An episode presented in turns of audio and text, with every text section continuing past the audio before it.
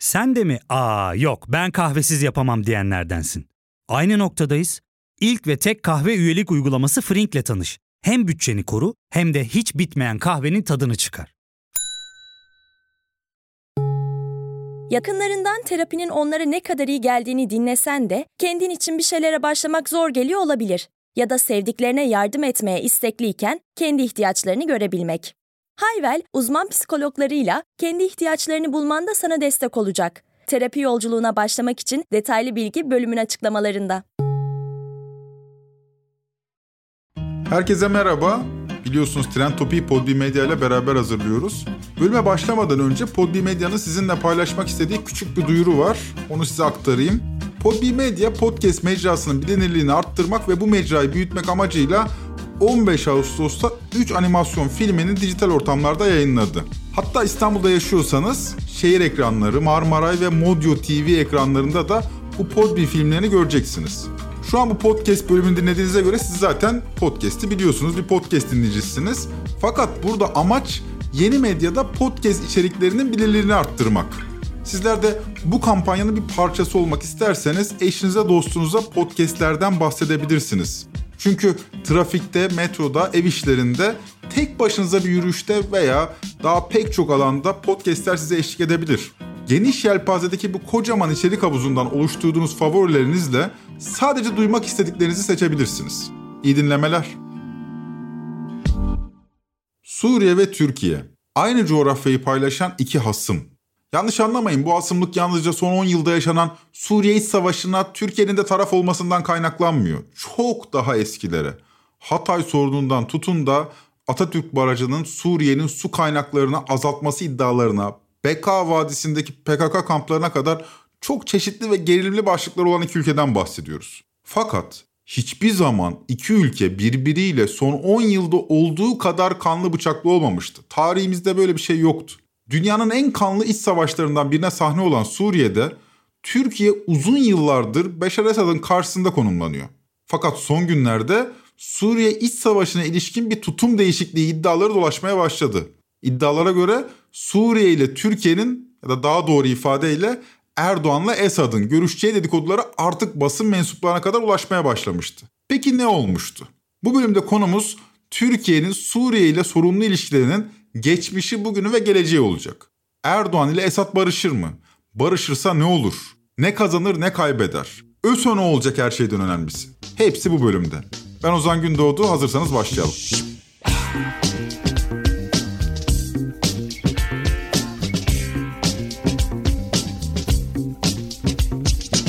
Aslında Türkiye'nin Suriye gündemi bundan 3 ay kadar önce 23 Mayıs'ta kabine toplantısı sonrasında Erdoğan'ın Suriye'ye 5. kara operasyonunu gerçekleştireceklerini söylemesiyle ısındı. Güney sınırlarımız boyunca 30 kilometre derinliğinde güvenli bölgeler oluşturmak için başlattığımız çalışmaların eksik kalan kısımlarıyla ilgili yeni adımları da yakından atmaya başlıyoruz.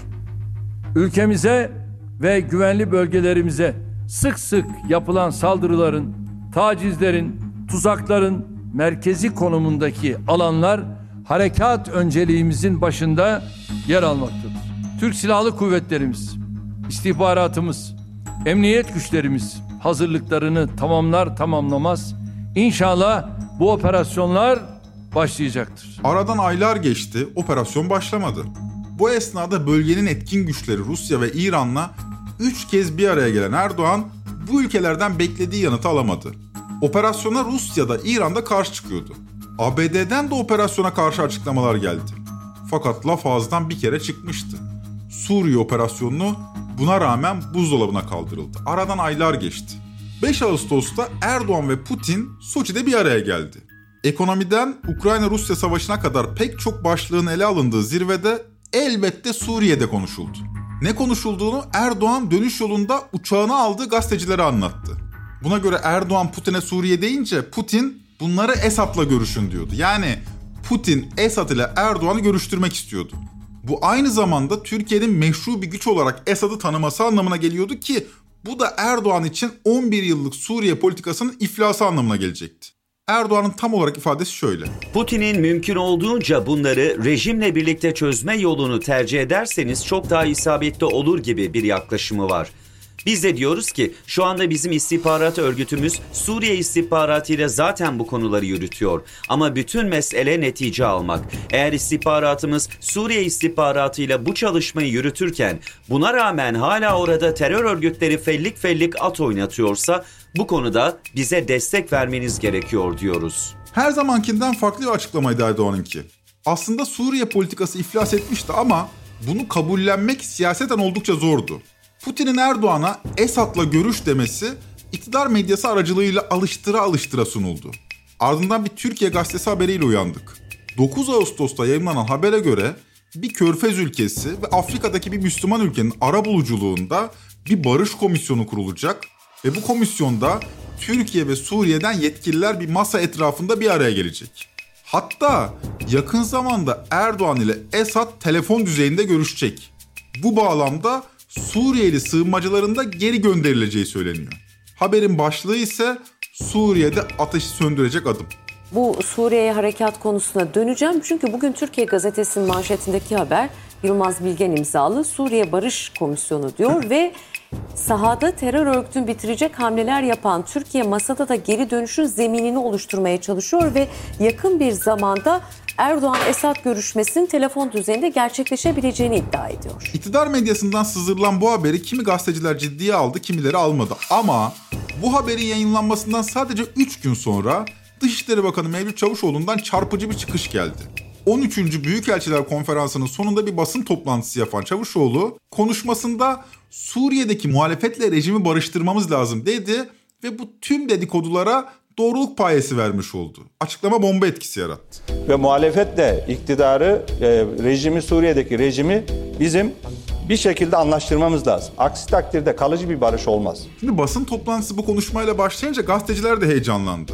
Esad'la görüşülecek miydi? Türkiye'nin Suriye politikasına değişikliğe mi gidiliyordu? Bu sorular Çavuşoğlu'na yöneltildi. Şu anda böyle bir temas söz konusu değil. Cumhurbaşkanımız zaten o soruya cevap verdiler. Sonuçta uzun zamandır zaten Putin ve Rus yetkililer sizi rejimle görüştürelim. Esad'la Cumhurbaşkanımızı görüştürmek istediler. Cumhurbaşkanımız da istihbaratların görüşmesinin faydalı olacağını söylemişlerdi. Bir ara istihbaratlar arasında görüşmeler olmuştu geçmişte de e, biliyorsunuz hatırlayacaksınız. Daha sonra bir kesinti oldu. Şimdi tekrar başladı. Sonuçta... Liderler arası görüşme yok fakat istihbarat örgütlerinin görüşmeleri yeniden başladı diyordu Çavuşoğlu. Fakat cevabında bir bomba daha patlattı. Belgrad'daki bağlantısızlar toplantısında Suriye Dışişleri Bakanı ile ayaküstü, bu ayaküstüyü özellikle vurguluyor, ayaküstü görüştüklerini de söyledi. Benim bu bağlantısızlar toplantısında Belgrad'da ayaküstü diğer bakanlarla sohbet ederken Suriye Dışişleri Bakanı ile de ayaküstü kısa bir sohbetim oldu. O toplantı marjında yemekten önce. Sonuçta orada da yani bu biraz önce söylediğim bu ülkenin tek çıkar yolunun siyasi uzlaşı olduğunu, teröristlerin temizlenmesi lazım. Kim olursa olsun, adı ne olursa olsun. Ama diğer taraftan yani muhalif olan Suriyelilerle e, rejim arasında bir barışın olması gerektiğini, Türkiye olarak da böyle bir durumda yani buna destek olabileceğimizi de e, söyledik. Türkiye uzun yıllardır Suriye iç savaşında Esad'ın muhatap alınmaması gerektiğini, Suriye'yi muhaliflerin temsil etmesi gerektiği tezini savunuyordu. Şimdi Dışişleri Bakanları ayaküstü görüşüyor. Liderlerin telefonla görüşeceği iddiaları iktidar basınında yazılıp çiziliyor. Yani nereden nereye demek lazım böyle bir duruma. Fakat madalyonun diğer yüzünde Suriye'de Türkiye'nin hamiliğinde bulunan silahlı güçler de var. Asıl konu da zaten bu. Çavuşoğlu muhaliflerle Esad'ı görüştürelim diyor ama Suriye'deki muhalifler, bu muhalifleri tırnak içinde kullanıyorum. Suriye'deki muhalifler buna ne diyor? Dışişleri Bakanı Mevlüt Çavuşoğlu'nun muhalefetle Suriye'deki rejimi bir şekilde anlaştırmamız lazım. Yoksa kalıcı barış olmaz sözleri sonrasında Suriye'nin Türk Silahlı Kuvvetleri kontrolündeki bazı kentlerinde Türkiye karşıtı gösteriler başladı. Rejimle anlaşmaya karşı çıkan ve Karkamış sınır kapısında toplanan göstericiler Türk güvenlik güçlerinin engeliyle karşılaştı. Sınır kapısı gösteriler nedeniyle kapatıldı. Gerilimin dozu zaman zaman arttı. Türk dışişlerinden ise Türkiye'nin Suriye'de ateşkesin devamı için öncü rol oynadığı, muhalefete tam destek verdiği hatırlatılırken CHP İstanbul Milletvekili Ünal Çeviköz Suriye'deki gösterilerde Türk bayrağı yakılmasını kınadı. Çavuşoğlu'nun açıklamalarından sonra Kuzey Suriye'de Türk Silahlı Kuvvetleri'nin kontrol ettiği bölgedeki Suriyeli muhalifler resmen ayaklandı. İktidar medyasında haberin verilme biçimi bu şekildeydi dinlediniz. Aslında olan şuydu. Çavuşoğlu'nun açıklamalarının ardından Azez ve Cerablus'ta toplanan muhalifler Türkiye karşı sloganlar atmış ve bu gösterilerde Türk bayrakları da ateşe verilmişti. Türkiye'de sığınmacı sorunu yükselen milliyetçilik nedeniyle sığınmacılara dönük öfkeyi derinleştirirken bölgede Türk bayrağının yakılması tedirginlik verici bir gelişmeydi. Bu nedenle Türk bayrağının yakılmasına ilişkin görüntüler infiale neden olabilirdi. Medyada belki de haklı olarak haberi dikkatli bir dille servis etti. Medyanın haberi dikkatli biçimde sunması anlaşılabilir ama hakikat de orta yerde duruyor. Ya fark ettin mi? Biz en çok kahveye para harcıyoruz. Yok abi, bundan sonra günde bir. Aa, sen Frink kullanmıyor musun? Nasıl yani? Yani kahvenden kısmına gerek yok. Frink'e üye olursan aylık sadece 1200 TL'ye istediğin çeşit kahveyi istediğin kadar içebilirsin. Günlük 40 TL'ye sınırsız kahve mi yani? Çok iyiymiş. Aynen. Hatta şu anda 200 TL'lik bir indirim kodu da var. E hadi hemen indirip üye ol da bu fırsatı kaçırma. Terapiye başlamak, içinden çıkamadığın döngüleri kırmak, bazı yanlış bulduğun kararlarını değiştirmek ve kendinle beraber daha huzurlu bir yaşam inşa etmek için atabileceğin en değerli adımlardan biri. Hayvel ile yoğun yaşam tempona uyum sağlayarak online terapi seanslarını takvimine göre ayarlayabilirsin. Bini aşkın uzmandan sana en uygun terapisti seçebilir, podb10 koduyla indirimden yararlanabilirsin. Detaylı bilgi açıklamalardaki bağlantıda.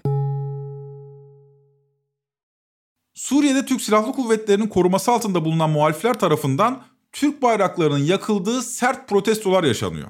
Bu arada biz Suriyeli muhalifler diyoruz ama Suriye bu gruplara terörist diyor. Ya da Türkiye'nin terörist dediğine Suriye ya da Rusya demeyebiliyor.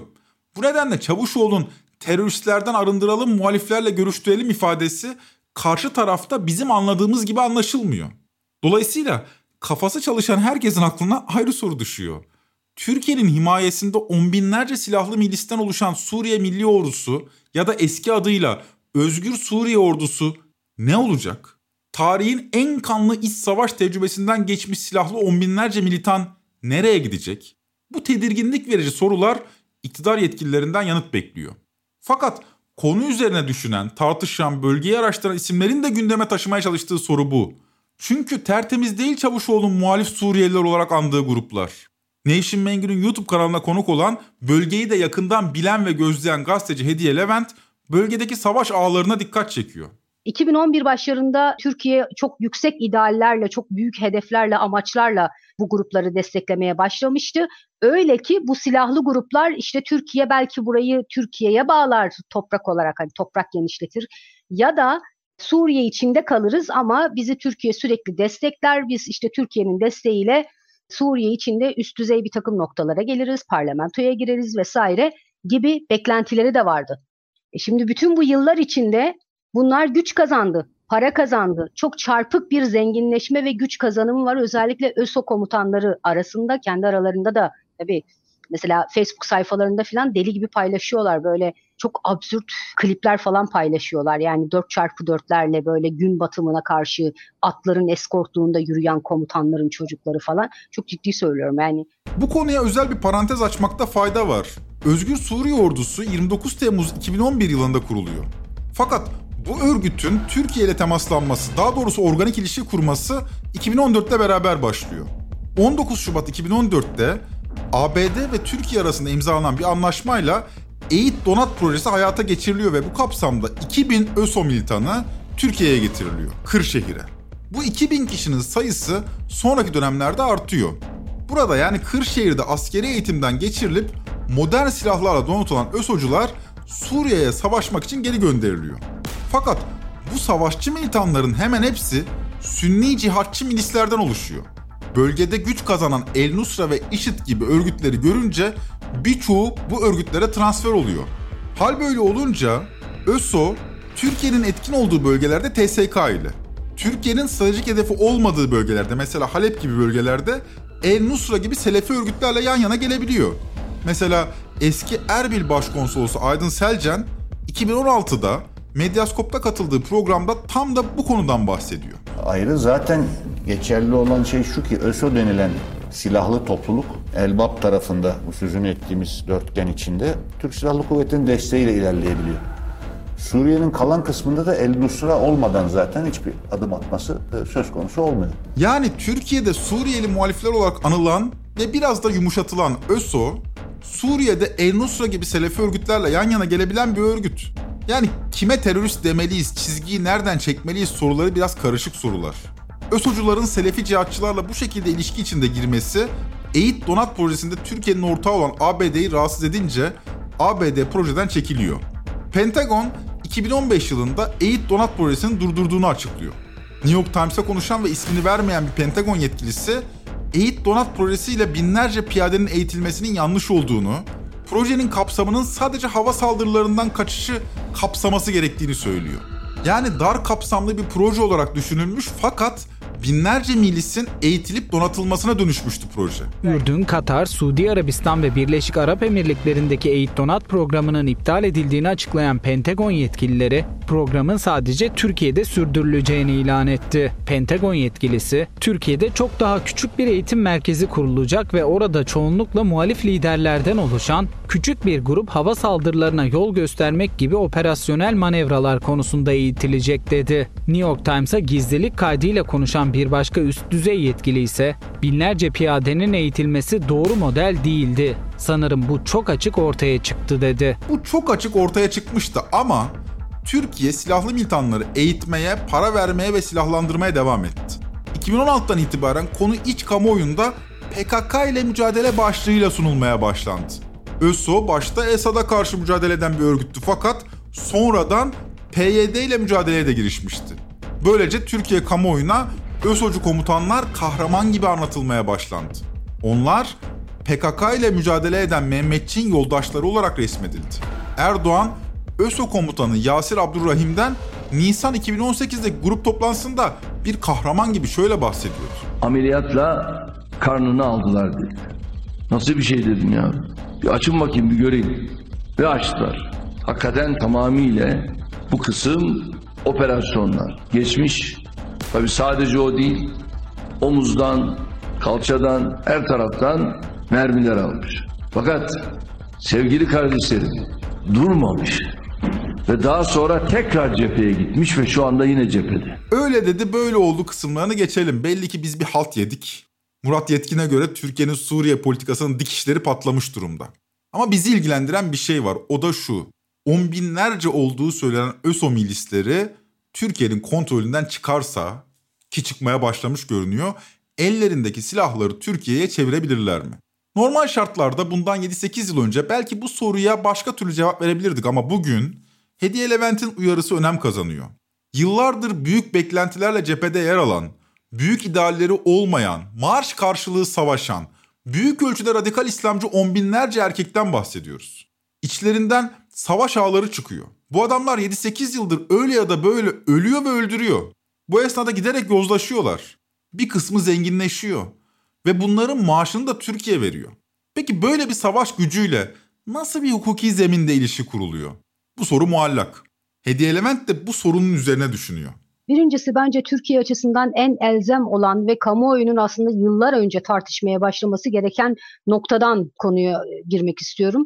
Türkiye ile ÖSO arasındaki ilişkinin kanuni dayanağı nedir? TSK hangi hukuki zemine dayanarak bu gruplara sürekli eğitim veriyor? Türkiye bunlara nasıl, hangi şartlarda, hangi çerçevede silah sağlıyor? Bunlara nasıl, hangi şartlarda, hangi çerçevede, hangi kanuni uygulamalara göre daha doğrusu maaş ödeniyor? Bütün bunlar hala çok belirsiz. Buna ek aslında birkaç tane soru daha var. Türkiye kamuoyunu çok ilgilendiren özellikle de memleketteki ekonomik gidişat düşünüldüğünde şimdiye kadar bu gruplara ne kadar para aktarıldı? Yani sadece mesela Libya'ya gidenlerin maaşlarının 500 ile 2500 dolar arasında olduğunu biliyoruz ki Libya'da da Suriye İnsan Hakları Gözlem Evi'nin son raporlarından birinde vardı. 8500'e yakın Suriyeli milis var Türkiye tarafından oraya gönderilen. Evet soruyu tekrarlamakta fayda var. ÖSO militanlarıyla hangi hukuki zeminde ilişki kuruluyor ve bu zamana kadar onlara ne kadar para aktarıldı? Ben soruyu biraz daha derinleştireyim. Türkiye'de 10 ay içinde bir genel seçim olacak. ÖSO militanları da bu seçimi yakından takip ediyor. Zira Erdoğan'ın kaybetmesi durumunda yeni iktidarın en büyük sorunlarından biri ÖSO olacak. Öte yandan finansmanın nasıl karşılandığı resmi kaynaklarca bilinmiyor. Yani bütçe harcamalarında ÖSO'ya şu kadar kalem aktarıldı diye bir şey söylenmiyor. Hali hazırda örtülü ödenek harcamaları da bu tip bir orduyu donatacak kadar büyük değil. Gelecek iktidar ÖSO ile ilişki kurmaya devam edecek mi? Etmeyecekse bunca silahlı militan ne yapacak? Silahlarını bırakıp Suriye'de çiftçilik mi yapacaklar? Dahası bu ÖSO'cuların bir kısmı Türkiye tarafından Libya'ya taşındı. Onlar ne yapacak? Yani büyük bir kabusla karşı karşıyayız. İşin bir de ideolojik yönü var. Görünen o ki 2010'da Tunus'ta başlayan, daha sonra Cezayir, Ürdün ve Mısır'a sıçrayan Arap Baharı ile birlikte Türkiye yeni Osmanlıcı rüyalar alemine daldı. Fakat bu rüyalar Suriye'de kabusa dönüştü. Suriye bizim iç meselemizdir çizgisi Çavuşoğlu'nun son çıkışlarıyla birlikte suya düşmüş görünüyor. Biz Suriye konusunu bir dış mesele olarak, bir dış sorun olarak görmüyoruz. Suriye meselesi bizim bir iç meselemizdir. Osmanlıcılığın iflası Türkiye açısından önemli bir gelişme. Türkiye artık bu bakış açısıyla Suriye'de iç meselemiz Libya'da iç meselemiz diyerek oyun kurucu olamıyor. Osmanlıcılık dış politikada değil ama içeride hamasi milliyetçiliğin motoruna dönüşmüş durumda. Osmanlıcılık Türk dizilerinde iktidar tabanının motivasyonunu arttıran bir dizi senaryosundan ibaret hale geldi. Dışarıda ise katil Esed söylemleri artık yerini reel politiğin acı gerçeklerine bırakmış durumda. Türkiye'nin Suriye politikası büyük bir hüsrana dönüşüyor. Halbuki ne kadar öfkeliydik katil Esed'e. Görüntüleri izlediniz değil mi? Ey katil Esed! Sen bunların ahından nasıl kurtulacaksın? Tabi Suriye'ye ilişkin bunca laf edip Ahmet Davutoğlu'ndan bahsetmeden olmuyor. Hem dönemin Dışişleri Bakanı hem de Türkiye'nin Suriye politikasındaki en önemli aktörlerinden biriydi Davutoğlu. Kendisi 13 Ağustos'ta Medyaskop'ta Ruşen Çakır'ın konu oldu ve Suriye meselesiyle ilişkin önemli açıklamalar yaptı. Davutoğlu, Esad'la görüşülmesi ya da bu haliyle barışılması durumunda Türkiye'deki sığınmacıların Suriye'ye bir daha dönmeyeceklerini söylüyor. Davutoğlu'nun önerisi Rusya ve Türkiye'nin garantörlüğünde Suriye'de bir geçiş hükümetinin kurulması. Bu geçiş hükümetinde Esad'ın da payı olabilir ama muhaliflerin de masada olması gerekir.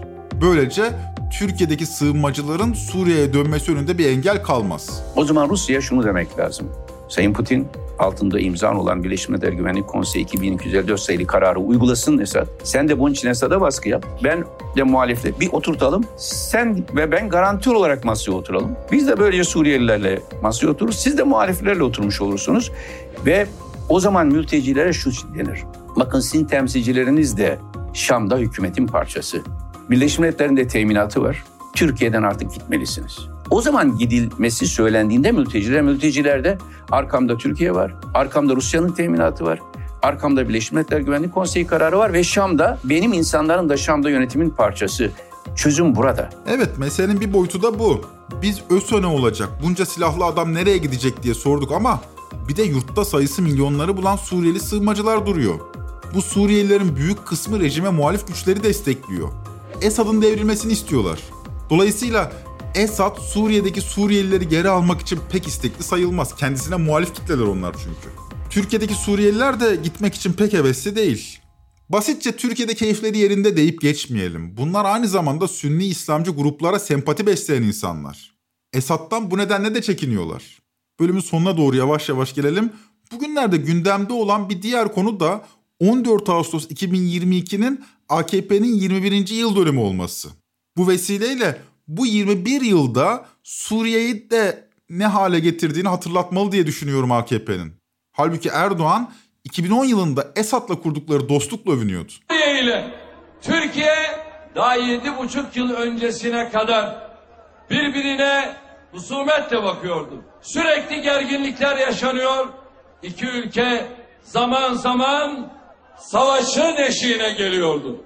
Biz geldik Esad kardeşimle oturduk. İki ülke arasındaki meseleleri konuştuk. İstişare ettik, müzakere ettik ve Türkiye ile Suriye'yi bölgenin iki kardeş, iki dost ülkesi haline getirdik mi? Her alanda işbirliğine gittik mi? ekonomide, ticarette, dış politikada, kültürde, sanatta, ulaştırmada, bayındırlıkta işbirliği anlaşmaları imzaladık mı? Suriye ile Türkiye arasındaki mayınları temizlemek için adımlarımızı attık mı? 21 yıl geride kaldı. Bu 21 yılda Erdoğan'ı en çok zorlayan konuları sıralarsak herhalde ilk üçte Suriye meselesi gelecektir. 21 yılın ardından ekonomideki iddialarını büyük ölçüde kaybetti AKP. İç politikada özellikle 15 Temmuz'dan sonra otoriter bir yönetim anlayışını benimsedi. Türkiye'nin köklü sorunların üzerine güvenlikçi bir anlayışla gidildi. Fakat Suriye meselesi dış politikada da iflas edildiğine ilişkin çok önemli bir kanıt oluşturuyor. Bunca konuyu soğukkanlı konuşmaya da kendi adıma rahatsız edici bulduğumu söylemeliyim. Suriye'de 11 yılda yarım milyon insan hayatını kaybetti. Meselenin bu boyutu bu soğukkanlılık içerisinde önemsizleştiriliyor. Savaşın yan yana yaşayan insanları zorla taraf tutmaya yöneldiren bir doğası var. Orta Doğu ve Arap coğrafyasının en kozmopolit ülkesi Suriye. Bizim ülkemizin de müdahale olduğu bir iç savaşı 10 yıldır yaşıyorlar ve bu savaşı belki de 100 yıl daha unutmayacaklar. İşleneceğini herkesin bildiği ancak engel olmak için kimsenin kılını dahi kıpırdatmadığı bir cinayetin öyküsüydü Suriye. Tıpkı Marquez'in Kırmızı Pazartesi romanındaki gibi yaşandı her şey. Aralık 2010'da Tunus'ta patlayan gösteriler kısa sürede Zeynel Abidin Binali'nin ülkeyi terk etmesiyle sonuçlanmıştı. 14 Ocak'ta gösteriler Ürdün'e sıçradı. 17 Ocak'ta Sudan'a derken Şubat ayında Mısır'a sıçradı. Arap Baharı adım adım Suriye'ye geliyor ve en kanlı savaşını da Suriye'de yaşatacağını belli ediyordu. Tüm dünya cinayetin gelişini izledi. İlk eylemler demokrasi ve ekonomi talepliydi. Ama kısa süre içerisinde Sünni radikal İslamcılar Suriye'deki eylemlere rengini vermeye başladı. 2011'in yazında Suriye'de Hristiyanlar Beyrut'a Aleviler mezara diye sloganlar atan gruplar ayaklanmaya başlamıştı bile. Ne Kolombiya'daki paramiliter güçler, ne Angola'daki sağcı gerillalar, ne Lübnan'daki falancistler. Hiçbiri Suriye'deki cihatçı çetelerle yarışamazdı. Kafa kesmeler, köy basmalar, kurşuna dizmeler, toplu katliamlar, tecavüzler, köle ticareti, intihar saldırıları ve çok daha fazlası. Bunca çilenin çekilmesinde Türkiye'nin Suriye politikasının da payı oldu. Bir vebal altındayız dersek yanlış olmaz sanırım. 11 yılda Suriye kan gölüne dönerken Türkiye'de bir sığınmacılar ülkesine dönüştü. Ve sonunda İslamcılar kaybetti. Fakat kazanan kim oldu? Bu soru kocaman bir soru işareti. Bölümün artık sonuna gelelim. Trend Topi'yi Podbi Medya ile beraber hazırlıyoruz. Bir sonraki bölüme kadar imparatorluk rüyaları görmediğiniz günler dilerim.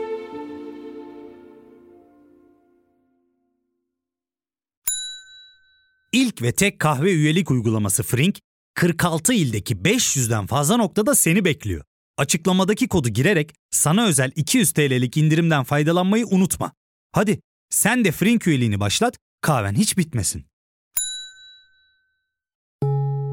Hem bugününe hem yarınına katacaklarıyla terapi yolculuğuna ve daha iyi hissetmeye bugün Hayvel ile başla. Açıklamadaki linkten Hayvel'i indir, ücretsiz tanışma görüşmelerinin ardından bütçene uygun seans paketini seç ve terapi yolculuğuna başla.